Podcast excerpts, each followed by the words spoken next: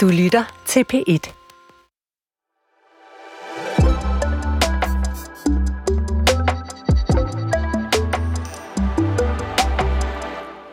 Fremtiden. For mig var det engang noget med robotter og røntgenbriller og rejser i rum og tid. Jeg er født i 1973, og de der forestillinger, det var sådan nogle, jeg havde som barn og som teenager. I dag må jeg nogle gange tage mig selv i at tro, at fremtiden faktisk er her. At kunstig intelligens bare er få måneder væk fra at løse kræftens gåde. At Elon Musk og alle de der selvfølgelig finder en måde at leve på Mars på. Og det kommer til at ske i min levetid. Og også at jeg ikke behøver at lære at sortere affald, fordi ny teknologi vil fikse det hele lige om lidt. Her på Fremtiden på P1 er vi nysgerrige. På alle teknologierne, opfindelserne og idéerne, som er på vej, men især på det liv, som måske kommer til at udspille sig imellem dem. Jeg hedder Mette Valsted Vestergaard, og i dag er jeg nysgerrig på fremtidens epidemier. Og lad os som så vanligt begynde med at høre, hvad chatbotten ChatGPT får ud af det, når vi beder den om at lave et tværsnit af, hvad den kan finde på nettet, og skrive et seminarium, der beskriver epidemier om 100 år. I 2023 har verden gjort enorme fremskridt inden for håndtering af epidemier. Teknologi og internationalt samarbejde har spillet en afgørende rolle i at beskytte befolkninger mod forskellige epidemier, og Danmark har været en aktiv deltager i denne globale indsats. Epidemier er stadig en udfordring i 2023, men verden har udviklet mere effektive måder at takle dem på. Vi har oplevet en række epidemier i løbet af årene, herunder nye influenza-varianter, zoonotiske sygdomme og endda nogle sjældne tropiske sygdomme, der har spredt sig til nye områder på grund af klimaforandringer og globalisering. I 2023 har teknologi revolutioneret vores evne til at forudsige, overvåge og reagere på epidemier. Avancerede kunstige intelligenssystemer analyserer konstant sundhedsdata fra hele verden og identificerer potentielle trusler. Der er også udviklet avancerede vacciner og behandlinger, der kan tilpasse specifikke sygdomme og fremstilles hurtigt i store mængder. Der er en øget forståelse for behovet for psykologisk støtte og virtuelle terapitjenester er bredt tilgængelige. Samtidig har samfundet erkendt vigtigheden af at opretholde sociale forbindelser og fysisk aktivitet selv i perioder med epidemier. Ja, det var, en, øh, det var et lidt længere scenarium, øh, end vi nødvendigvis plejer at have, og øh, jeg tror faktisk, der opstod nogle, øh, kom nogle begreber og nogle ord her, som vi af mange øh, indlysende årsager faktisk øh, sjovt nok godt kender fordi det var sådan nogle begreber, vi brugte for øh, meget kort tid siden, da vi faktisk havde en, øh, en pandemi. Den skal vi nok komme til at vende tilbage til. Lone Simonsen, øh, nye influenza-varianter, zoonotiske sygdomme og endda nogle sjældne tropiske sygdomme. Det er det, som øh, ChatGPT forestiller sig, at vi har at, øh, at jonglere med om 100 år. Tror du også det? Jeg tror, at øh, der var nogen på listen, der, der skulle med. Altså, influenza, det er jo, hvor vi har jo en lang erfaring med influenza-pandemier ja. i, i men den menneskelige historie, og nu har vi fugleinfluenza, der banker på døren, så ja. Øhm, men jeg synes jeg ikke, den er ret opfindsom. Det synes jeg faktisk heller ikke. Nej. Men man tænker egentlig, at det havde været en større nyhed, hvis der var de, nogle af de her ting, der ikke var der om 100 år. Den glemte også lige corona. Det gjorde den. Ja. Har vi øh, forskellige varianter af corona om 100 år? Ja, det tror jeg. Altså, det kan være, at vi simpelthen er på vej ind i en æra, hvor øh, coronavirus, fra den her beta-coronavirus-familie, faktisk har fundet løsningen og, og kan komme igen med nogle andre pandemier. Det skulle ja. da ikke undre mig. Altså, det, det er mærkeligt at det slet ikke på, synes jeg bare, når man lige har været igennem sådan en. Det er meget overraskende, at den overhovedet kan skrive så langt øh, et skriv om, ja. øh, om epidemier, uden at nævne sygdom øh, corona. Jamen, jeg tænker, det er et meget optimistisk scenario øh, må jeg sige, i forhold til, at samfundet har øh, udviklet, og der er jo forskel på samfund, der er forskel på nord og syd og øst og vest, øh, og der er en kæmpe ulighed i verden. Og det hørte vi ikke så meget om i det her fremtidsscenarie, om hvad der sker med den. Det var ligesom forudsat, at, at der var løst nogle meget store, voldsomme problemer. Ja. Men den er meget inde på, hvordan vi håndterer det, som, øh, og det skal jeg nok præsentere lige om et øjeblik, øh, når jeg også øh, siger dit efternavn rigtigt, Samuelsen. øh, men den er meget inde på den måde, vi, øh, vi, vi håndterer det, at der er epidemier, eller måske endda pandemier i verden, altså med virtuelle terapitjenester og psykologisk støtte og sådan noget. Kan du se, at det er den vej, øh, vi, vi er, begynder vi at forberede os på den måde på, øh, på, på store sygdomsangreb? Jeg kan sagtens se, det er relevant, og det er um, oplagt i, i vores del af verden. Mm. Men det er klart, at øh, der er andre steder i verden, og mange steder i Afrika, hvor, det, hvor, hvor man slet ikke er der, ja. øh, hvor det kan lade sig gøre endnu, mm. og hvor der går lang tid, hvor det kan lade, før det kan lade sig gøre. Ikke? Er der andet, du mangler i det her scenarium? Øh, jeg synes, den var lidt vel optimistisk omkring det her med, at øh, vi samarbejder bedre globalt og alt det her, og det håber jeg selvfølgelig også, vi gør. Men når vi ser på klimakrisen, og den måde, den bliver håndteret på i dag, så synes jeg ikke, at der, deri ligger den samme optimisme, vil jeg nej, sige. Nej, der synes du, vi har svært ved at, ja, at, at skabe fælles fodslag. Ja, det må jeg sige. Og måske også biodiversitetskrisen, som øh, ja. jo mindst lige så voldsom som ja. klimakrisen. Ja. ja. Godt.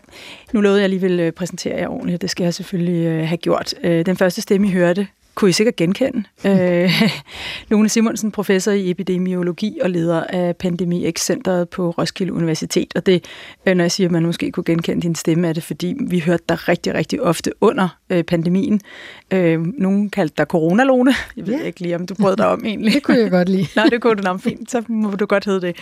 Øh, du var jo epidemiologen, som rigtig ofte øh, udtalte dig i forbindelse med corona, og, og mm. var jo selvfølgelig også en af, af de væsentlige rådgivere, øh, der var i spil på det tidspunkt.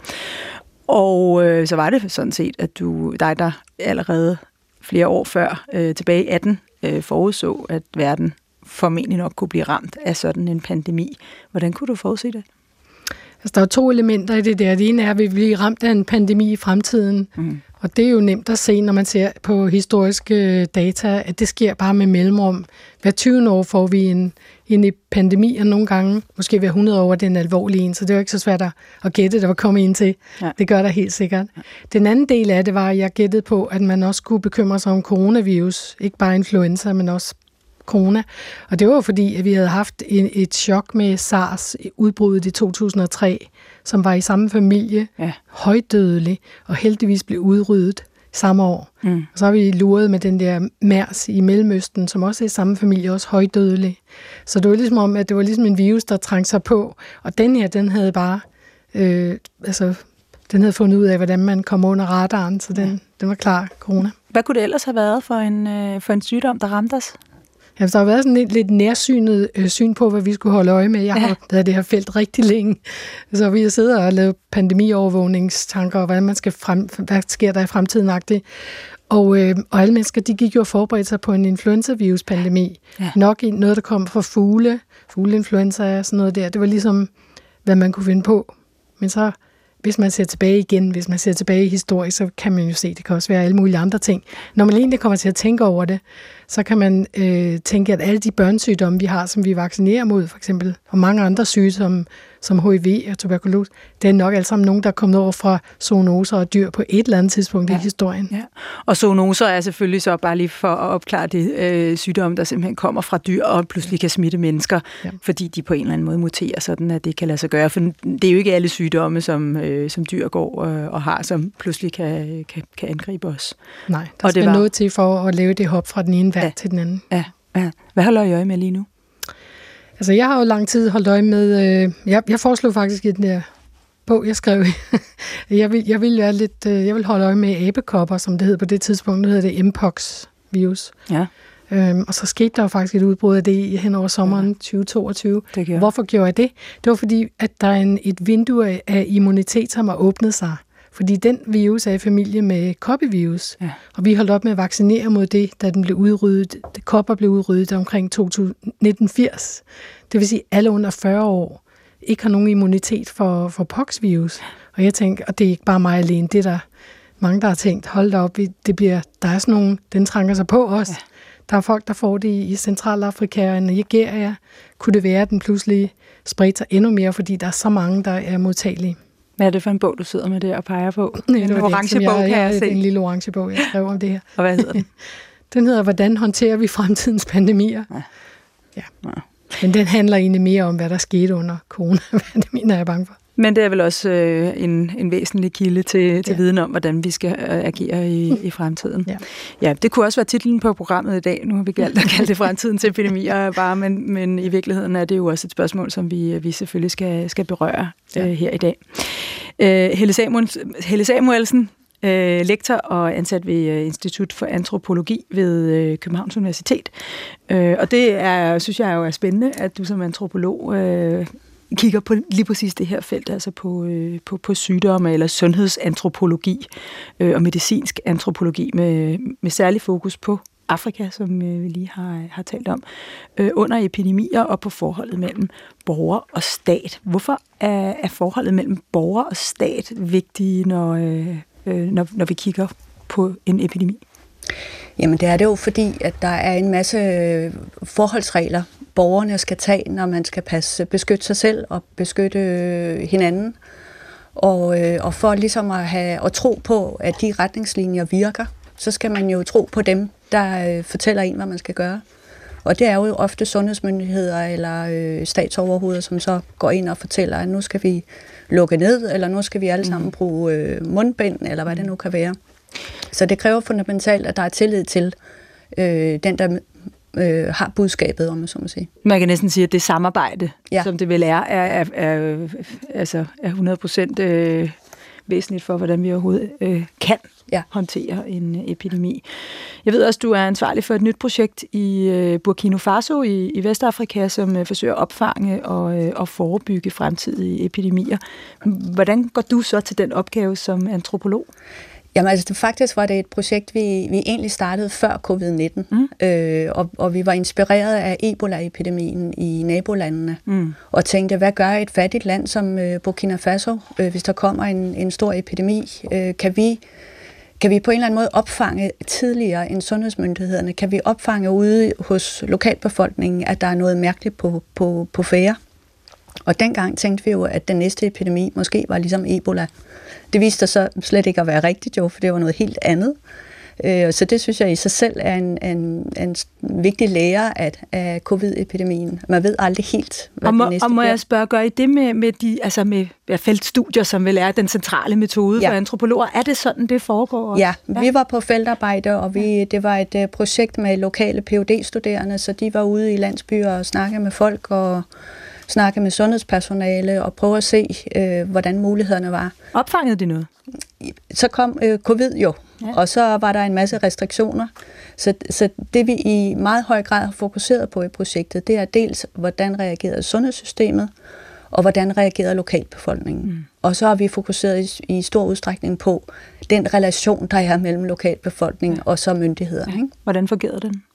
Jamen, den fungerede jo ikke super godt, fordi der i forvejen øh, er meget mistro til det politiske system. Ja. Øh, og der er, sundhedssystemet leverer ikke ja. de helt basale ydelser, man kunne forvente, ja. så der er, der er i forvejen ret stor skepsis. Ja. Og når der så kommer en, en, led, nedlukning, som man jo valgte at gøre, lidt ligesom man gjorde i Frankrig, det var sådan en copy-paste-model, man indførte, så betyder det jo, at folk ikke har noget at leve af. Ja. For de kan ikke sælge varerne ja. på markedet, og de kan ikke øh, bevæge sig rundt. Ja. Så det genererer en ret stor modstand og skepsis overfor, om den øh, sygdom overhovedet var ja. der. Ja. Og en skepsis, som nogle gange kan være berettiget, men tit kan være helt fatal selvfølgelig. Øh, ja. Jeg, jeg rejste en gang selv rundt i, i forskellige steder i Afrika og, og så på sundhedsprojekter, og ja, der var i hvert fald et sted i Mozambique, hvor øh, kvinder, der havde fået svangerskabsforgiftning, jo på et eller andet tidspunkt blev presset nok af familien til at komme hjem og gå på arbejde, fordi der var altså ikke råd til at have dem liggende mm. der og dankdere den. Og det siger jeg selvfølgelig med, i allerstørste ironi. Øhm, og så døde det jo. Ja. Øhm, for, men, men der var ikke råd til, at de gik og, øh, og, og hjalp til med, med arbejdet. Og måske heller ikke tillid til, at hospitalet vurderede rigtigt, når de sagde, at hun skal nok lige blive her og få sit blodtryk ned. Mm. Øhm, Lone Simonsen, lad os lige få, få taget sådan en, en status for, på, øh, hvordan vi overhovedet, øh, hvor, hvor vi er, altså hvad en epidemi egentlig er. Hvad skal der til for at skabe en epidemi? Altså epidemier sker hele tiden. Du mm. har influenza hver vinter. Men en pandemi, det er en, hvor man har en, en ny virus, som kommer ind typisk fra øhm, en zoonose, eller mm. som jeg snakker. Ja. Altså en, en virus, der ikke har været der før, hvor hele populationen faktisk er, øh, ikke har nogen modstand, eller er, er sådan, øh, følsom over for den. Ja. Og så kan den jo sprede sig i princippet, og det gør de i de der pandemier til alle mennesker inden for, de sidste, inden for et par år, ja. eller mere. Ja. Og det er selvfølgelig, det, fordi den kan smitte, det er klart, ja, fra, fra ja. Øh, personen. Så hvad der skal til, det, det der skal til, det er, at der er øh, møder mellem disse dyr, dyr og mennesker et eller andet sted. Ja. Og at en af de der virus faktisk øh, knækker koden med, hvordan man spreder sig effektivt fra menneske til menneske. Ja. Og det er det, som øh, meget overvågning går ud på at holde øje med, om der er altså nogen, der er på vej i den der, øh, øh, hvad skal man sige, den der vej mod den der øh, trappe stige mod ja. at blive en pandemitrussel. Og så det er det, der... som faktisk øh, fugleinfluenza H5N1 er lige nu. Ja. Ja. Og, og det var jo sådan noget, vi også lærte under, øh, under den store coronapandemi, at, at så er der sådan en balance i, hvor, hvor, altså, hvor alvorlig en, øh, en, en sygdom egentlig kan være, for at den overhovedet kan nå at sprede sig, fordi hvis den slår sine værter ihjel for hurtigt, ja, så når den jo så faktisk ikke at, at sprede sig. Så der er hele tiden en, en balance i, hvordan, øh, hvilken karakter den skal have, og hvor hurtigt ja. den kan spredes osv. osv. Hvordan, øh, hvordan arbejder I med det, eller hvordan i, i tale sætter man det? Altså først skal man forstå det som et numbers game. Ikke? Altså enten, det ene på den ene side er det, hvor mange bliver smittet af den. Mm. Og hvis det er en rigtig velfungerende pandemi, så er det altså nærmest alle. Ja. Og, og så den, på så den anden corona. side er der, hvor mange af dem, der bliver smittet, øh, kommer galt afsted, bliver alvorligt syge eller dør af det. Mm. Og der er jo altså, det kan være sådan, for eksempel for covid, var det 1% i, i sådan et land som Danmark. Mm. Det er mange med en aldrende population. Ja, det er jo, øhm, det virker som et lille tal, men det er faktisk, når, når du ganger 1% med Danmarks befolkning, som ja. alle vil blive smittet, så er du lige op på 60.000 øh, mennesker, der potentielt kunne dø. Så ja. det er det, de to ting samlet. Så sådan en som SARS for eksempel var, øh, ville slå 10 procent af dem, der blev smittet ihjel, men den havde ikke knækket koden, så den nåede kun at smitte under 10.000 mennesker. Ja. Så det var altså højdødeligt, men ikke en, en, øh, noget, der endte med at give en masse problemer. Hvad skulle der have, hvad skulle der have, have været til? Altså, hvordan, hvad, hvad er det for en kode, som, om, ja. så må sige, som SARS, nu skal vi selvfølgelig ikke tillægge en stor bevidsthed, men hvad var det for en ja, kode, vi, som SARS ikke fik knækket? Altså, øhm, øh, SARS, de fleste, der fik langt de fleste, havde symptomer, og der var sådan et godt stykke tid fra, man blev smittet, til man smittede videre. Ja. Så der var tid til at finde, og det var, det var faktisk muligt, og, og så var den ikke så godt tilpasset. Altså. Nej. Øhm, Hvad betyder den, det, at den ikke var godt tilpasset? Ja, så den, var, den er super spredende, det vil sige, det meste af sygdommen, ligesom corona, det meste af, eller covid, det meste af, af smitten sker fra, fra måske 10 procent af dem, der havde den, ville smitte de fleste ja. af dem, som får det i fremtiden. Så hvis man kan undgå at få de der 10 procent til at smitte videre, så har man faktisk has på den. Ja. Helt anderledes end en pandemiinfluenza, som er lidt mere som et godstog at prøve ja. at stoppe. Ja. Og, og som corona, hvor øh, de af os, der har haft det, ved godt, at øh, da vi først havde fik de symptomer, så havde vi allerede smittet alle mulige, fordi den, den, den var en sniger på en ja, måde. men altså, den, der, det var faktisk en virus, corona, der kan man smitte et par dage, før man overhovedet ja, selv ved, at man er syg. Ja. Plus rigtig mange, som er smittet, vil aldrig vide, at de var syge, for Nej. de har ikke rigtig symptomer, og alligevel kan de smitte andre. Ja. Det er også derfor, vi har sådan nogle udbrud i i, blandt folk, som stod langt fra hinanden og sang ja. i, i kirke eller et eller andet, så kommer de ud, så er de alle sammen syge. Det er simpelthen en virus, der kan sprede sig øh, effektivt fra en person, som ikke engang vidste, de selv var syge. Ja, ja lige præcis. Og når det er, når det, når det er sådan, det er, altså når, når vi sådan skal øh, øh, forklare folk, nu, nu må du ikke være i kontakt med andre mennesker, så er det, at den her tillid mellem øh, stat og, og borgere pludselig bliver ekstremt vigtig, og, og vores evne til at, øh, at kommunikere ret bredt og ret hurtigt og ret forståeligt til, til mange mennesker. Hvor dygtige var vi egentlig til det her i Danmark? Vil du vurdere, Helle Samuelsen? Jamen det vil jeg faktisk vurdere som, det var vi ret dygtige til. Mm. Øh, altså der var jo en meget hurtig reaktion i Danmark, mm. og øh, statsministeren holdt jo pressemøder med, med jævne mellemrum. Mm øh, som ligesom signalerede alvoren mm. af det her, øh, og vores, sundheds, vores sundhedsmyndigheder var også meget langt fremme. Og, vi, og, og der var i, i, i hvert fald et langt stykke hen ad vejen en ret meget stor tillid til Søren Brostrøm. Ikke? Jo, det var der. ja. Det var der.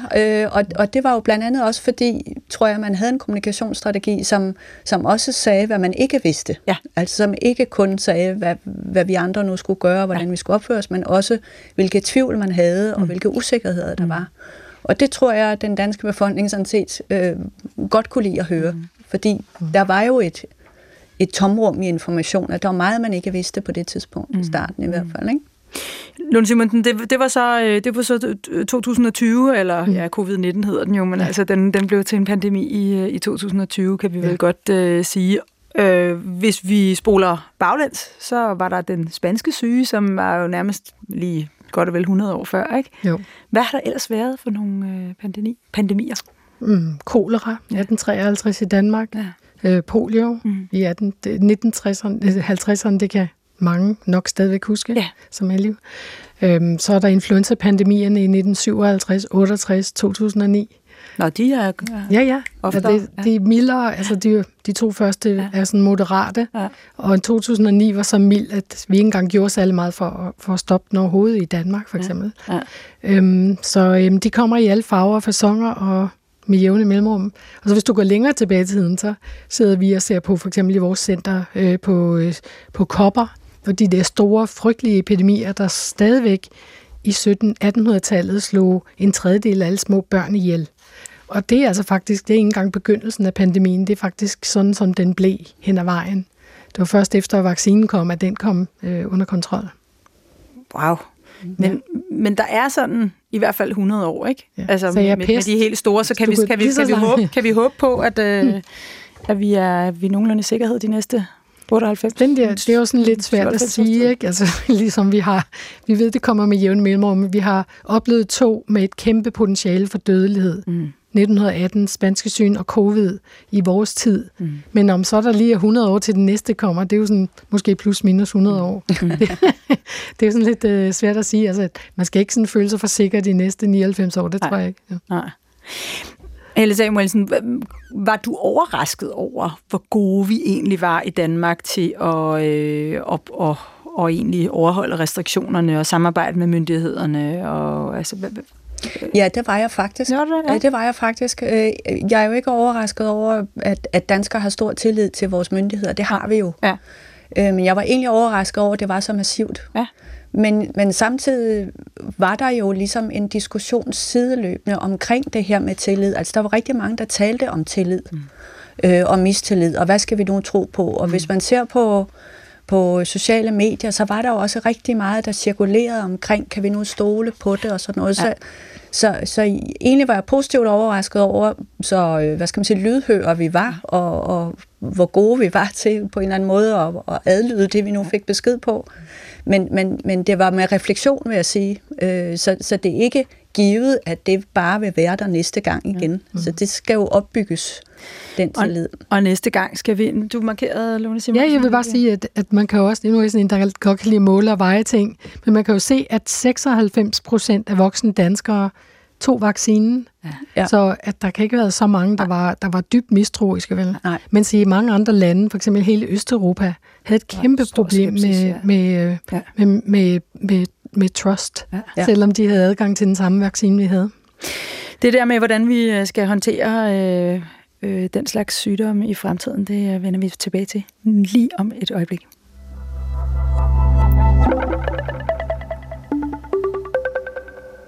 I dag handler øh, fremtiden på P1 nemlig om fremtidens epidemier og pandemier. Mine gæster er Lone Simonsen, professor i epidemiologi, og Helle Samuelsen, lektor og ansat på ved Institut for Antropologi ved Københavns Universitet, og arbejder netop med sundhedsantropologi. Øhm, nu skal vi hoppe ud i fremtiden, og først så vil jeg lige øh, have sådan en, en en lidt, lidt kort og fyndig vurdering af det fremtidsscenarium, vi startede med. Øhm, nu nævner jeg nogle elementer, og så kan I sige ja eller nej, om I tror på det. Der er udviklet avancerede vacciner og behandlinger, der kan tilpasses øh, for specifikke sygdomme og fremstilles hurtigt i store mængder. Ja eller nej, Lone Simonsen?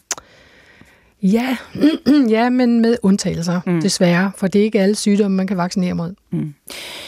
Helle Samuelsen, der er øget forståelse for behovet for psykologisk støtte og virtuelle terapitjenester er bredt tilgængelige. Ja, i store dele af verden, Mm. mm. men ikke alle steder. Nej. Droner og satellitter bruges til at overvåge sygdomsudbrud og levere medicinske forsyninger til afsidesliggende områder. Ja eller nej? Det lyder uhyggeligt. Hvorfor?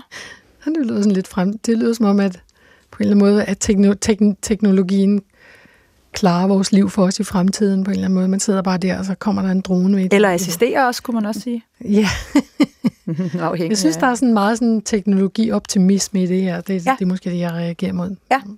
Det må du også gerne. Vi er øh, teknologi-nysgerrige, vil jeg hellere sige, mere end, end nødvendigvis optimistiske. Men vi er teknologi-nysgerrige her. Ja. Men det kommer jo selvfølgelig også Der er en ting, skepsis. som, som vi, vi har opdaget igen igen i den her pandemi, det er jo, at der er sådan en forsyningskædeproblematik, øhm, som hvis en Ja. pandemi starter i Kina, og Kina lukker ned, så alle ting, der bliver lavet der, er svære at få fat i. Så det kan jo godt være, at der er droner, men har de de der ting, som bliver produceret et andet sted? Godt spørgsmål.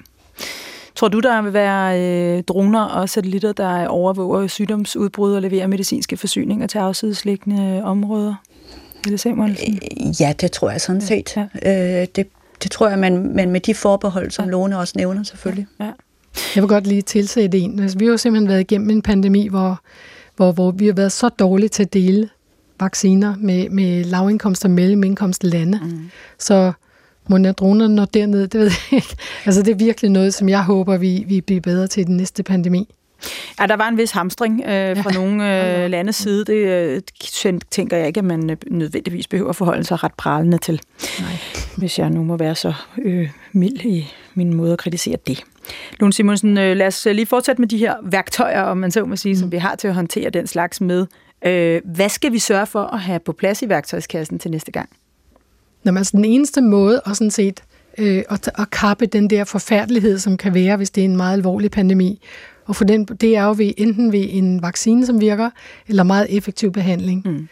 Og det andet, man kan gøre, det er at holde igen på epidemien, indtil man har de der ting på plads. Og der er ikke så meget andet, man egentlig kan gøre. Nej. Så jeg stussede lidt over chatbot, som har fundet ud af, at vi, vi finder ud af, hvordan vi skal have sociale forbindelser i fremtiden, mens epidemien kører. Men det er jo netop sådan, at, spred, at smitten spredes. Mm. Så jeg får fornemmelsen af, at chatbotten ikke helt forstår øh, mekanikken i mm. sådan noget. Eller også så forestiller den sig, at vi skal være øh, supervakse på... Øh hologramrepræsentationer af Nå, hinanden, det eller være. at okay. teams, teams skal være op og køre på forhånd. Eller... Vores avatar derude og, det kunne godt og være. party, det kunne være. Ja, det siger den jo ikke, men altså, hvis jeg nu skal undskylde den.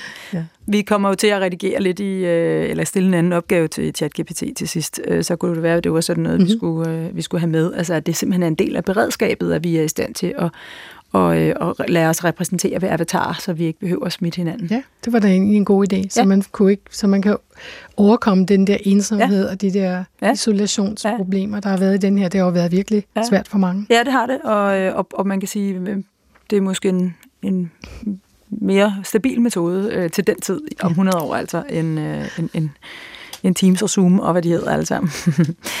øh, mental sundhed, Helle Samuelsen, den, det var også med i, i, i det her øh, scenario. Det ved vi jo godt. Der var jo mennesker, der sad og blev deprimeret. Øh, der var skolebørn, som havde det rigtig, rigtig skidt og fik... Øh, altså, vi har jo øget forekomst af skoleværing og angst og, mm. og, og andet øh, efter, efter pandemien, så den, den havde nogle, øh, nogle bivirkninger, om man så må sige, som måske ikke, vi måske ikke helt havde, havde forudset. Mm, hvordan kan vi tage Hvordan kan vi tage hensyn til det i, i fremtiden? Hvordan kan vi foregribe det?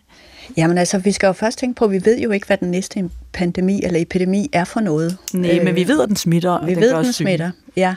Men vi ved ikke nødvendigvis, hvordan. Nej. Øh, men det er jo rigtigt, at, at ligegyldigt hvad, så, så vil der nok være et eller andet græn af, at man skal isolere sig, eller gøre ting anderledes, end man er vant til, som har noget med ens sociale relationer at gøre.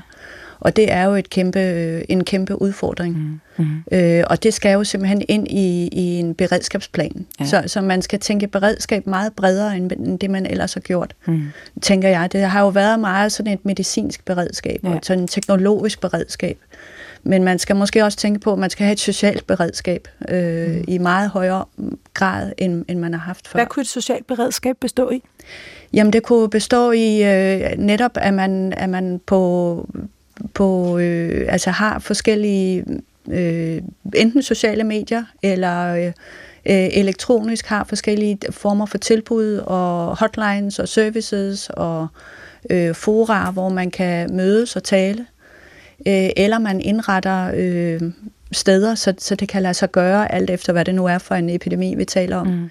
Men at man, at man meget tidligere i, i hele beredskabsplanlægningen tænker det sociale ind. Mm. Mm. Kunne man forestille sig en situation, hvor man øh, var øh, havde meget hurtigere og mere præcise øh, måder at opspore, om man smitter, og så dermed kan altså egentlig tillade mange flere møder mellem dem, som mm, ikke er smittet?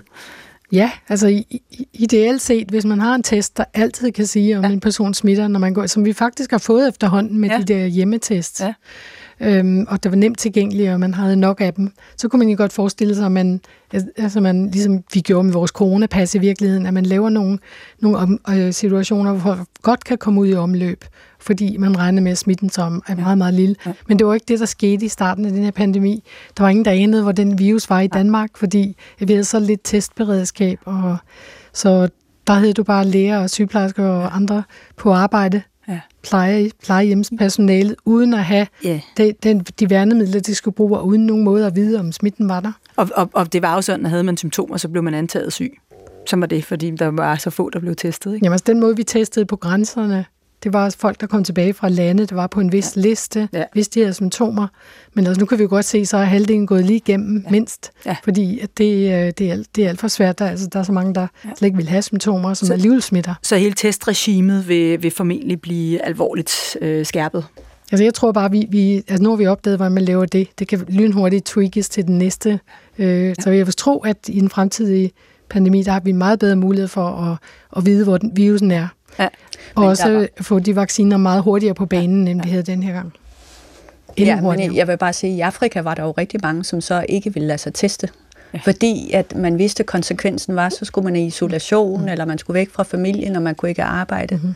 Så, så der var rigtig mange, også, vi talte også med nogen, der havde været smittet, men som aldrig havde fortalt det til andre end lige os. Mm. Øh, fordi at det havde så store sociale konsekvenser, mm, og, øh, altså at, at blive diagnostiseret. Ikke? Men det var der jo også her. Altså ja. især efter, at den ikke sådan så ud til at være så forfærdelig alvorlig længere. Øh, der kan, jeg kan have da talt med forskellige, der mm. sagde, mm, jeg tror, jeg har det, men jeg gider ikke lige blive testet, fordi så får jeg en masse bøvl ja. næste dag.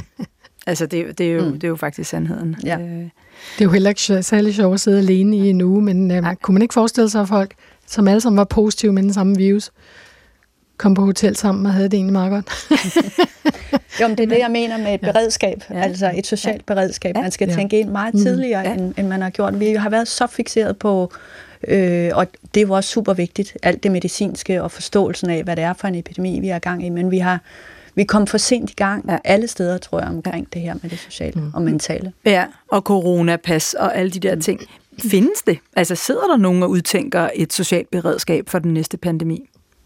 Altså, det burde der jo, når lige nu, ja. der faktisk. Ja. Altså, jeg må sige, at jeg føler, at verden er videre.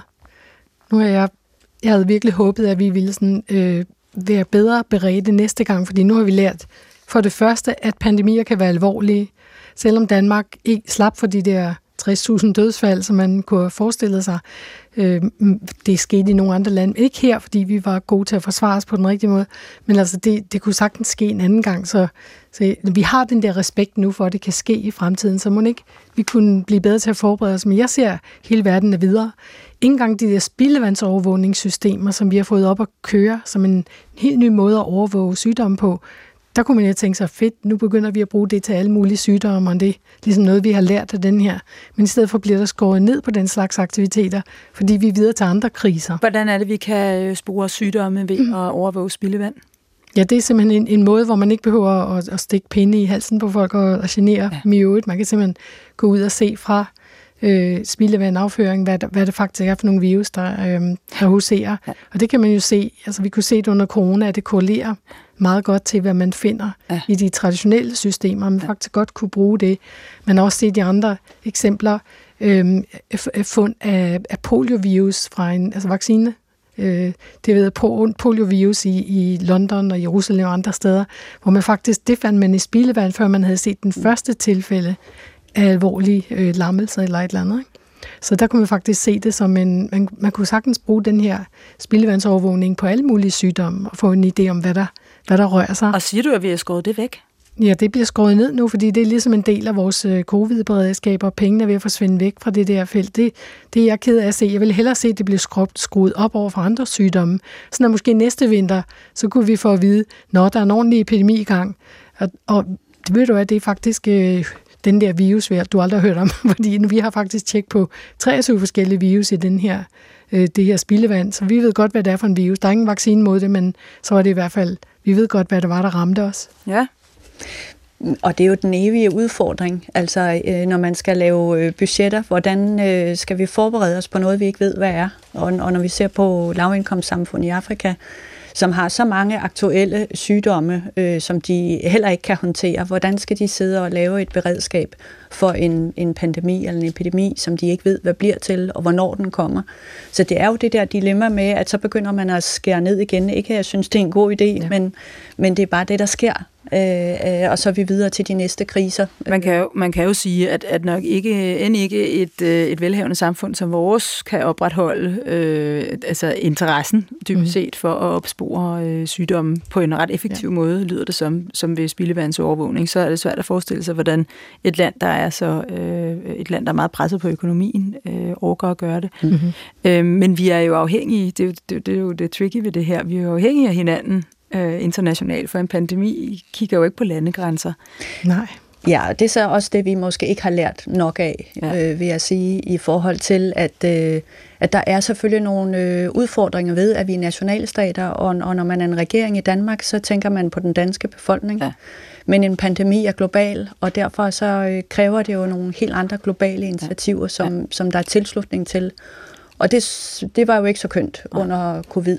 Øh. Ved vi noget om, hvordan man, altså fordi det, det, det, det skal jo interessere os, hvordan man opbygger tillid og, og har og, og, hvad kan man sige, styrker samarbejdet med borgere og stat, også i lande, som ikke er vores og som er helt uden for vores jurisdiktion. Ved man noget om, hvordan man opbygger tillid mellem myndigheder og, øh, og, og borgere? Altså, man ved jo, man ved jo noget om, hvad tillid er. Mm-hmm. Altså, at det er relationelt, og, og det kræver, altså hvis, øh, hvis staten tager vare på mig, så passer jeg også på staten, om jeg så må sige. Så, så det er jo en udveksling. Øh, så hvis man føler, man får nogle ydelser, som, som man er berettiget til, så det er selvfølgelig det første. Mm. Øh, det andet er jo, når der så er en krise, at man, øh, at man har en kommunikationsstrategi, øh, hvor, man, hvor man taler ærlig snak, om jeg så må sige, fordi folk er jo ikke dumme. De kan jo godt gennemskue, øh, hvis, hvis der er... Så dem, der prøver at binde sig ind ja, eller andet på ærmet, øh, som ikke er til min fordel. Ja, Øh, så så det, det tror jeg også er, er, er selvfølgelig er vigtigt. Så, så, så i virkeligheden, i stedet for måske at være så fokuseret på øh, alt mulig teknologi, som kan komme og redde os, når der er en pandemi, der er sat ind, så skulle vi måske i virkeligheden støtte øh, en lang række andre lande i at, øh, at styrke tillidsforholdet mellem øh, og, og kommunikationsvejene mellem borgere og, øh, og myndigheder. Ja, helt sikkert, fordi ja. en, en epidemi i, i store dele af Afrika, hvis det, altså som vi nu tænker covid-19, hvis det virkelig havde udviklet sig i Afrika, kunne det have været katastrofalt, mm. fordi mm. folk ikke havde tillid til øh, mange mm. regeringer. Mm. Ja, Lone Simonsen. Det udviklede sig faktisk i Afrika, men det blev ikke den alvorlighed, som man troede Nej. først. Mm. Når man ser på serologistudier, hvor mange havde antistoffer, det vil sige, hvor mange havde overstået øh, smitten i Afrika, så er det faktisk nok de fleste, der har haft det allerede. Ja. Men siden de fleste er under 20 år i de lavindkomstlande, som for eksempel Burkina mm. Faso, mm. så vil man nok slet ikke have set det over al den at den, altså alle de andre dødsfald, der sker af andre grunde. Ja. Så det, det var faktisk ret mildt øh, forløb. Mens lande, som havde en aldrende, aldrende population, ja. som øh, Danmark for eksempel, var en meget større risiko mm. for et rigtig dårligt ja. øh, udbrud. Og ja. det var jo lige præcis også derfor, at de i Burkina havde til, øh, mistillid til, til regeringen, fordi de havde aldrig set noget tilfælde. Nej. Nej. De havde ikke set det på fjernsyn, de havde ikke, øh, der var ikke nogen i deres omgangskreds, der havde covid, så, så det er ikke en sygdom for os. Nej. Det er de hvide sygdom, eller de rige sygdom, eller hvad det nu blev betegnet ja. som i starten i hvert fald. Mange af de der lande har en gennemsnitsalder måske omkring 20, ja. og det vil sige, at der, der får man jo, man oplever måske en forkølelse, eller sådan en, det er ikke noget, man, man vil, vil skrive hjem om. Nej. Og så har man jo et bred immunitet i befolkningen, ja. og så er der bare, ja, så det, ja. det er noget andet. Hvis nu, øh, hvis vi nu skal forestille os, hvordan en, en fremtidig pandemi vil kunne øh, forløbe. Hvis nu du var en, en, en virus, eller en anden form for sygdom, mm-hmm. Lone Simonsen, øh, og, og gerne vil, gerne vil ud i verden, ja. og, øh, og, og, ligesom. Blive, og blive til en pandemi. Ja. Hvad, hvad, hvad vil du ønske dig skulle Altså, hvis jeg virkelig skal tænke på den måde. Mm-hmm. Jeg tror, jeg ville tænke lidt frem, frem i tiden. Så ville jeg tænke på, hvordan jeg kunne øh, komme rigtig vidt omkring og blive der rigtig længe. Ja. Det ville være min strategi. Ja. Så helst ikke slå for mange ihjel for hurtigt? Jeg ville være mild. Ja. Jeg ville være luftborgen eller respiratorisk. Ja. Jeg ville være en formodentlig virus. Så ville jeg have god evne til at ændre mig, sådan at hver gang, at øh, populationen sådan blev immun, så ville jeg have en vej ud af det. Så faktisk, det minder ret meget om, om den måde, vi har øh, influenza, sæsoninfluenza er sådan der. Ja. Den kommer hele tiden vinterepidemier, fordi den hele tiden finder på nye numre. Mm. Og det er ikke sådan, det er specielt, altså det er ikke sådan en forfærdelighed som en pandemi, men vi er nødt til at op, opdatere vaccinerne, og, og den bliver ved med at være der. Mm. Så den der virus, den er der for evigt formodentlig. Ja.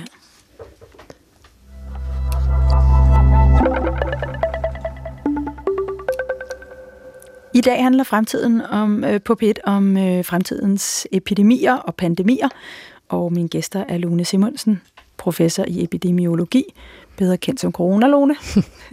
nu, nu, nu har jeg spurgt dig, og du synes, det er et udmærket navn, så det vil jeg godt kalde dig. Og Helle Samuelsen, som er lektor øh, ved øh, Institut for Antropologi ved Københavns Universitet og øh, arbejder med sundhedsantropologi, blandt andet øh, i Afrika. Øh, jeg vil godt lige have sat vores øh, lille scenarium i gang nu, sådan så vi får et øh, måske lidt mere øh, præcist scenarium, eller øh, et, som repræsenterer det, vi tror vil være fremtiden. Og jeg har allerede noteret mig, at, øh, at vi i en fremtid, der hedder om 100 år, vil vi i meget højere grad have også et socialt beredskab for, hvordan man øh, håndterer en pandemi. Det vil sige, alle mulige øh, metoder til, øh, at, at vi kan opretholde et socialt samvær i samfundet, øh, uden nødvendigvis at gøre det til en fordel for, øh, for sygdommen. Så om det så er hologramrepræsentation, eller det er øh, øh, at sikre sig, at Teams altid er op at køre. eller rigtig gode tests, så man kan gå ja. ind i et rum og ja. vide, at der er ikke nogen, der smitter derinde. Testregimer, øh, pas, altså de der coronapas-lignende øh, ordninger, men måske med noget, der er endnu mere prompte. Altså mm-hmm. tænk, hvis man bare kunne... Øh, spytte i en spand ved indgang til en restaurant, ja. og så blev den rød, hvis man skulle gå hjem igen i en fart, ja. øh, eller sådan noget. Ikke? Så, så lad os mm. forestille os, at vi har udviklet den slags mm-hmm. meget præcise og prompte øh, test. Er der andet, I synes, vi skal have med ind i, øh, i beskrivelsen af fremtidens epidemier? Ja, vi er nødt til at se, tænke mere globalt. Ja. Mm-hmm. Øh, fordi Altså hvis det er epidemier er en ting, men pandemier, der jo spreder sig ja. over kontinenter, så er vi nødt til at tænke globalt på en ja. anden måde. Ja. Så vi er nødt til at have et stærkere globalt beredskab. Ja. Så, og, hvis vi, og hvis vi skal have global, et, et globalt beredskab, øh, hvem er det, der skal sætte sig ned og samarbejde om det, og, og kan sætte sig ned og samarbejde om det på en måde, så det regulært øh, fungerer? Ja, altså hvis WHO var stærkere, eller FN-systemet var stærkere, vi har jo sådan set et globalt ja. øh, system. Hvis ja. det var stærkere, der var større opbakning, og, ja. og landene betalte flere penge ind til, ja. til FN-systemet, så kunne det jo være en oplagt ja. øh, mulighed. Ja. Når du siger, hvis WHO var stærkere, hvorfor er WHO ikke stærk nok? Jamen, de er jo ikke der, altså de kommer med anbefalinger, og de øh, klassificerer epidemier og pandemier, øh, men, men det er jo selvfølgelig regeringer og nationalstater, der bestemmer, hvad der skal ske i det enkelte ja. land. Øh, og det er ikke fordi, jeg siger, at nu skal vi give magten til WHO eller FN-systemet, men vi er nødt til øh, ved, ved epidemier eller pandemier og, og, og tænke mere globalt. Og der kunne øh, FN-systemet, ja. fordi vi allerede har en organisation. Ja, ja. Lone Simonsen? Altså i en fremtidig pandemi, så kunne det være en fordel at komme ud der, hvor det starter rigtig hurtigt, og måske ja. få det inddæmmet, eller i hvert fald forsinket. Ja. Og hvad det kræver faktisk, man kommer med et eller andet. Det kræver sådan et system der, har nogle tests og nogle et eller andet med, så de faktisk kan, kan, kan, kan give eller gøre et eller andet fra det, verdenssamfundet til det der lokale sted. Er det sådan noget, altså fordi noget andet er overhovedet opspore, at der er noget, øh, der er noget i gære. Altså er det sådan noget spildevandsovervågning på global plan for eksempel? Vil, vil det kunne hjælpe os med øh, hurtigere at finde ud af, at nu er der noget på vej? Øh, nej, det, ja, det er ikke så godt til at finde nye ting, hvor man ikke ved, hvad man kigger nej, efter. man skal det er vide, hvad man tester ja, for. Ja. Ja. Men nej, det tror jeg hvad med, hvad med sådan nogle øh, antropologer? Jamen, det var, der, det var jo det, der var vores tanke med, ja, vores, med, ja. med vores projekt, sådan set. Det men kan hvis, vi, hvis der var en hel her af jer, ville det så kunne... Øh... Nej, men det var ikke antropologerne, der skulle ud og undersøge det. Det var jo sådan set en, en tanke om, altså, kan skolelærer opdage noget mm. før andre? Mm. Mm. Kan den lokale landsbyleder, øh, ja. som ved alt, ja. hvad der foregår i en landsby, opspore, at nu er der nogle sygdomme, der ja. ser, nogle sygdomsmønstre, der er ja. anderledes? Ja. Det var det, vi egentlig havde tænkt. Kunne man så udvikle sådan et, Interessant. en systematik ja. omkring ja. det. Kunne du se det for dig, Lone Simonsen? Er det en måde? Jamen, altså, jeg jo, altså, det jeg startede det her felt, der var det ligesom, man skulle sende nogle læger ud, hvis der skete en pandemi. Og det var vi fuldstændig ændret efter at se Ebola i 2014 i Vestafrika, hvor hvad, det blev lige stoppet uden sådan nogle ting. Det blev stoppet af antropologer og behavioral, altså folk, der kunne kommunikere, ja. hvordan man undgik risikoen. Så hele det med at få social science ind i det her felt, det er jo noget, vi er, det er meget fornyeligt. Og her i øh, covid-pandemien i Danmark havde vi HOPE-projektet fra Aarhus Universitet, som virkelig hjalp til at få... Øh, altså det var, det var simpelthen helt uventet, mm. fantastisk øh, mm. øh, hjælp fra social science til, mm. til at få den her, til at få, få, få trust op, altså i, ja. i Danmark, og så få demokrati til at ske, som faktisk folk føler sig hørt. Jeg kan ikke lide, når vi skal have masker på, det kan jeg, jeg kan være med i sådan en gallup-undersøgelse, og så kan jeg, så, så, så er ligesom sådan en, en uh, kommunikation, der foregår. Det er ikke bare sådan nogen, der fortæller os, hvad vi skal gøre. Så man kan sige, fra at vi uh, forestiller os et sygdomsberedskab uh, primært bestå af mediciner og, og, og biokemikere mm. og, og den slags, så er det et, en form for beredskab, der involverer menneskevidenskaberne, fordi uh, selve det kan godt være, at, at det er en sygdom, der spreder sig, ja. men måden, den spreder sig, handler om men, mange mennesker, der er sammen, og det er faktisk antropologerne og sociologerne mm. og ja. alle mulige andre, og måske ja. også civilsamfund i det hele taget, der, der har forstand på det og har berøring med det. Så og nogle de sygdomme, som, som de er, de er, der det går det faktisk ud på at finde ud af, hvordan man får smitten, og det er noget, der kan ja. forhindres, som for eksempel lade være, altså, lave om på begravelsesritualer. Ja. Mm. Og på en måde, så det er socialt eller øh, kulturelt acceptabelt. Ja. Ikke? Det var bare ligesom, det var at knække koden på, på den der. Det var jo aldrig en, ja. Ebola var aldrig et problem for et land som Danmark. Det var et problem i steder, hvor man ikke ja. øh, hvis man ikke kunne, kunne gøre det der? Nej, for under Ebola, der blev lægerne jo faktisk smidt ud af landsbyerne, selvom de Nej. egentlig kom for at hjælpe, ja. øh, fordi man var mistroisk. Mm-hmm. Og så fandt man ud af, hvad er det egentlig, de opfatter som risiko lokalt, mm. øh, og kunne gøre noget. Nu vil jeg sige til uh, Asta, min kollega ude i regien, at uh, hun gerne må, uh, må, må smide alle vores fine uh, nøgleord og begreber ind i ChatGPT, og så kommer hun her ind med et, et nyt scenarium, som måske uh, er mere spændende end det, vi, uh, vi, vi begyndte med. Uh, Lad os lige uh, foregribe det, uh, mens ChatGPT uh, skriver. Og så forestiller os, at nu er vi faktisk i 2023, øh, og en epidemi af en eller anden art har ramt Danmark. Mm. Den er faktisk udsprunget på vores kanter, altså i Norden et sted, mm. og den spreder sig hurtigt. Hvordan håndterer vi det, Lone Simonsen, til den tid? Jeg prøver at forestille mig, at det kunne være. Altså, vi sidder lige nu og kigger meget på fugleinfluenza, og det viser sig faktisk, at det er muligt, at, øh, at øh, steder, hvor man laver pels, altså pelsfarme, i for eksempel Finland, kunne være sådan en slags øh, en træningslejr for de der fugleinfluenza til at lære at sprede sig blandt pattedyr og dermed mennesker. Fordi man ved, at de kan mutere nede i, ja, i halsen på, øh, ja. på, på mordyr. Ja, også ræve og... Øhm, også ræve? Ja, ja, og mink. Oh. Og, øhm, og det er jo det, som, som har fået Finland lige nu til at faktisk at, at slå en hel del af de der pelsdyr ned, fordi de var... Der, der, der det faktisk ser ud som om, det smitter fra dyr til dyr. Det er helt uhørt med sådan en fugleinfluenza. Det plejer den sandelig ikke, så det er ligesom, det kunne da godt være, altså hvis det er der, det starter for eksempel, hvad kunne man så gøre? Er du, øh, er du begejstret over, at vi øh, igen har, har minkavl i Danmark? Ikke specielt. altså jo, altså hvis, hvis man skal sådan noget der, så synes jeg bare, det er helt klart, at man skal teste øh, rutinmæssigt for både, både coronavirus, men også fugleinfluenza, fordi at det flyver altså rundt i, øh, i omgivelserne, og de der dyr bor halvvejs udendørs, de kan sagtens blive ramt af. Hvad gør vi anderledes i, i 2023, end øh, vi gjorde i, øh, i 2020? Altså, jeg tror, vi, vi har meget højere, altså, vi, vi er meget hurtigere til at opdage, at noget foregår. Mm. Øhm, fordi vi har bedre strategier for, for test, for eksempel. Mm. Og for, vi er mere alert, vi er mere sådan opmærksomme lige nu i hvert fald. Mm. Så jeg forestiller mig, at det, man kan gøre, det man kan simpelthen afgrænse smitten mm. og, og undgå menneske-dyre-kontakt, hvis der er sådan et, et problem der, som jeg mm. beskriver det. Så når man simpelthen enten undgår det fuldstændigt, at det sker, eller i hvert fald øh, forsinker processen så meget, at andre lande kan nå at forsvare sig og få deres, øh, eller andre mm. regioner kan nå at mm. blive klar, ligesom. Mm. Fordi det er jo meget, altså tre uger i det her spil kan være ret meget mm. for at ja. få sine planer på plads. Helle Samuelsen, øh, samme scenario. Vi i Danmark, smitten er, eller sygdommen er, ser ud til at, at være udsprunget fra Norden. Det går hurtigt. Hvad, hvad, hvad, hvordan håndterer vi det anderledes set med, med, med dine briller, øh, end vi gjorde i 2020? Jamen, jeg tror, ligesom Lone, hvis den starter i Danmark, så mm. tror jeg, vi er meget hurtigere til ja. at indkapsle øh, og, og til at også at have et socialt beredskab, hvis den smitter hurtigt. Så det, I siger til mig, er, at øh, hvis vi troede, det gik hurtigt med at slå de mink ned i 2020, så, øh, eller 2021 var det vist, øh, så vil det gå endnu hurtigere i 2021-2023? Det var et svært spørgsmål.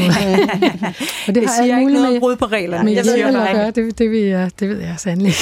Nå nej, men det vil jo være en indkapsling så, hvis, øh, ja. øh, hvis vi kan se, at, at det er ja. derfra. Ja. At, men jeg vil sige, at i almindelighed, så er det jo sådan, at siden pandemier kommer fra dyr over i mennesker, så ville det være rigtig godt, hvis vi var bedre til sådan noget One Health, hvor man faktisk har, har overvågningssystemer, både i dyr og mennesker, og kører mm. hele det der sammen, i stedet for at have sådan en parallel løb i to felter. Ja. Så jeg forestiller mig i fremtiden, at vi bliver bedre til at, at gøre det der på One Health-måden.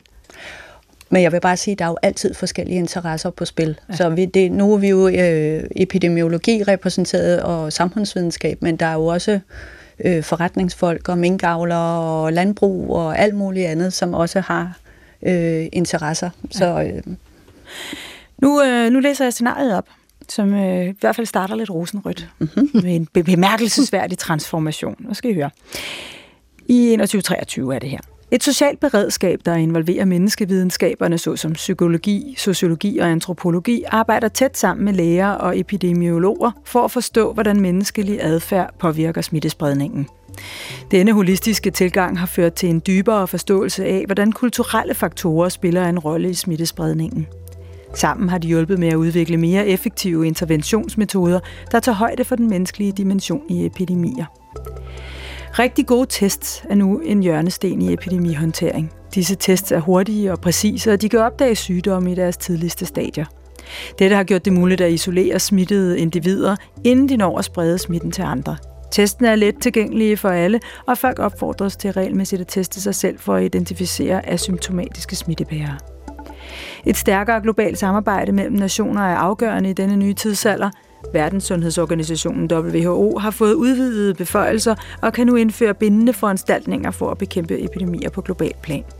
Lande deler omfattende data og samarbejder videnskabeligt for at opdage og spore virusens epicenter hurtigt. Teknologiske fremskridt har spillet en afgørende rolle i epidemihåndtering. Avancerede kunstige intelligenssystemer analyserer massive mængder af data fra hele verden i realtid for at spore potentielle epidemier. Droner og satellitter overvåger isolerede områder og overvåger folks bevægelser. Hurtige vaccineudviklingsprocesser, der udnytter avanceret bioteknologi og simuleringer, har reduceret ventetiden på effektive vacciner betydeligt. Tillid er blevet en værdifuld faktor i denne nye verden, Offentligheden har tillid til myndigheder og eksperter takket være åben kommunikation, gennemsigtighed og videnskabeligt baseret rådgivning. Desinformation og frygtspredning er blevet minimeret gennem globale kampagner for at fremme sundhedsoplysning og mediekompetence. Ja, ja. det lyder dejligt. Ui. Så fik vi klaret det. Så, hvad siger I til det? Ja, altså der er jo nogle scenarier, hvor det lyder altså meget godt, men det hjælper ikke noget, fordi det hele vil udspille sig på måneder, måske tre måneder. Ja. Så hvor lang tid tager det lige at få alt det der op at køre? Ja. Hvis for eksempel, at du havde en øh, effektiv fugleinfluenza, som, som lærte at sprede sig effektivt blandt mennesker, og hvis den var ligesom den var øh, før tiden, den her H5N1-influenza, så ville den gå mest efter unge mennesker øh, og de, fleste, de fleste dødsfald vil ske blandt unge, ikke blandt ældre. Mm. Øhm, og så, så kan man sagtens forestille sig, at hele, det hele er udspillet, før faktisk, at øh, man har nogen som helst ting på plads. Mm. Det eneste, man kan gøre, er at holde afstand. Ja. Der er ikke tid til at lave de der test, der er slet ikke kommet vacciner endnu. Afstand er det eneste, der kan holde igen på epidemien, indtil ja. at, øh, ja. at man, øh, man får en løsning. Ja. Ja, jeg vil også sige, jeg synes, det lyder forjættende på mange måder. Altså, øh, men, men der er jo, der er jo stadigvæk... Øh, det er ikke sikkert, det går så godt endda. Nej, nej. Fordi der er jo stadigvæk øh, ulighed formentlig, om, også om 100 år i mm. verden. Øh, så der er forskellige interesser på spil. Øh, der er forskellige øh, politikker på spil. Så jeg er ikke sikker på, at at vi ender der. Men jeg synes, der var mange gode... Øh... Man kan i hvert fald sige, at, at det, det, vi har lært, øh, er, at der er, der er en del af det her, der er nødt til at være blevet bygget op mm, på mhm. forhånd. Ja. Fordi vi kan ikke vide, hvad det er for en sygdom, Nej. der kommer. Vi, vi kan godt vide, at der kommer en pandemi igen. Mm. Øhm, men vi kan ikke vide, hvad det er for en. Vi kan ikke vide, hvad det er for en type. Vi kan ikke vide, om det overhovedet er en virus eller noget helt tredje. Mm, men vi kan godt vide, at at hvis der er en, en, en epidemi eller en pandemi, så, så er det jo typisk, fordi den smitter. Mm-hmm. Og så kan vi også godt vide, at, den, at det, det betyder jo, at når mennesker, mange mennesker er sammen, så kan, så kan den øh, sprede sig fra den ene til den anden. Så, så hele det beredskab øh, skal vi bygge op, og det skal vi gøre, havde han sagt, i fredstid, altså, eller i ikke-pandemitid. Ja. Er, er, er, er, vi, øh, er vi på nogen måde i gang med det? Mm-hmm. Altså på nogen måde, så, så har vi noget godt med os fra mm. den her coronavirus-tid. Og det er, at vi har for eksempel mRNA-vaccinerne, hvor man lige kan skifte det der genetiske materiale ud med det, der kommer. Mm. Og det kan nok gå super hurtigt. Mm. Så skal lige testes for mm. sikkerhed og effektivitet, men må ikke det er i spil igen inden for, at man kan få sådan en op at køre inden for fire måneder i stedet for otte måneder, som mm. det tog i corona. Mm. Men sidder du, sidder du med, altså sidder du sammen med nogle internationale kollegaer og skriver på den store manual for håndtering af pandemier, Lone Simonsen? Jeg er ikke lige med i det nu. Jeg har før i tiden været med i det der i WHO, også Centers for Disease Control i mm. USA og NIH i USA. Mm. Men lige nu er jeg ikke med i sådan nogle klubber. Nej. Men de findes? Ja, det tror jeg da. Ja. Mm og sidder og, og, og, og laver det store ringbind, øh, hvor der står på side 1, hvad, hvad gør vi nu? Nu er der noget på vej, og nu ved vi alle sammen, hvordan vi øh, skal håndtere det. Ja. ja. Men det der problem er, at vi ved aldrig jo, hvad der er på vej. Så den manual skal jo ændres hele tiden, ja. så det kræver en enorm fleksibilitet. Ja. Og derfor vil jeg selvfølgelig også argumentere for, at vi skal også have samfundsforskere mm. med i de her mm. ja. klubber. Ja, og det er de ikke? Nej, de er ikke nok. Altså, der er selvfølgelig, det er jo ikke for at sige, at der ikke er antropologer ja. eller sociologer i WHO, der, der, der er masser. Men, men vi er ikke nok øh, inde omkring øh, de fora, hvor beslutninger tages. Mm. Mm. Er du optimistisk i, i forhold til vores øh, evne til at håndtere øh, fremtidige pan- pandemier? Øh, ja, altså det bliver vi nødt til. Mm. Er du? ja. Øh, ja, med et forbehold. Med et forbehold. Således øh, nåede vi til vejs ende af fremtidens epidemier. Øh, tak fordi I var med begge to. Lone Simonsen, professor i epidemiologi, og Helle Samuelsen, øh, antropolog. Det var fremtiden på P1, og vi var tilrettelagt af Asta Åholm og Nikolaj Dupont, produceret af Beam Audio Agency. Jeg hedder Mette Valsted Vestergaard. Jeg sætter på at holde mig sund ind til næste uge, hvor vi høres ved. På gensyn.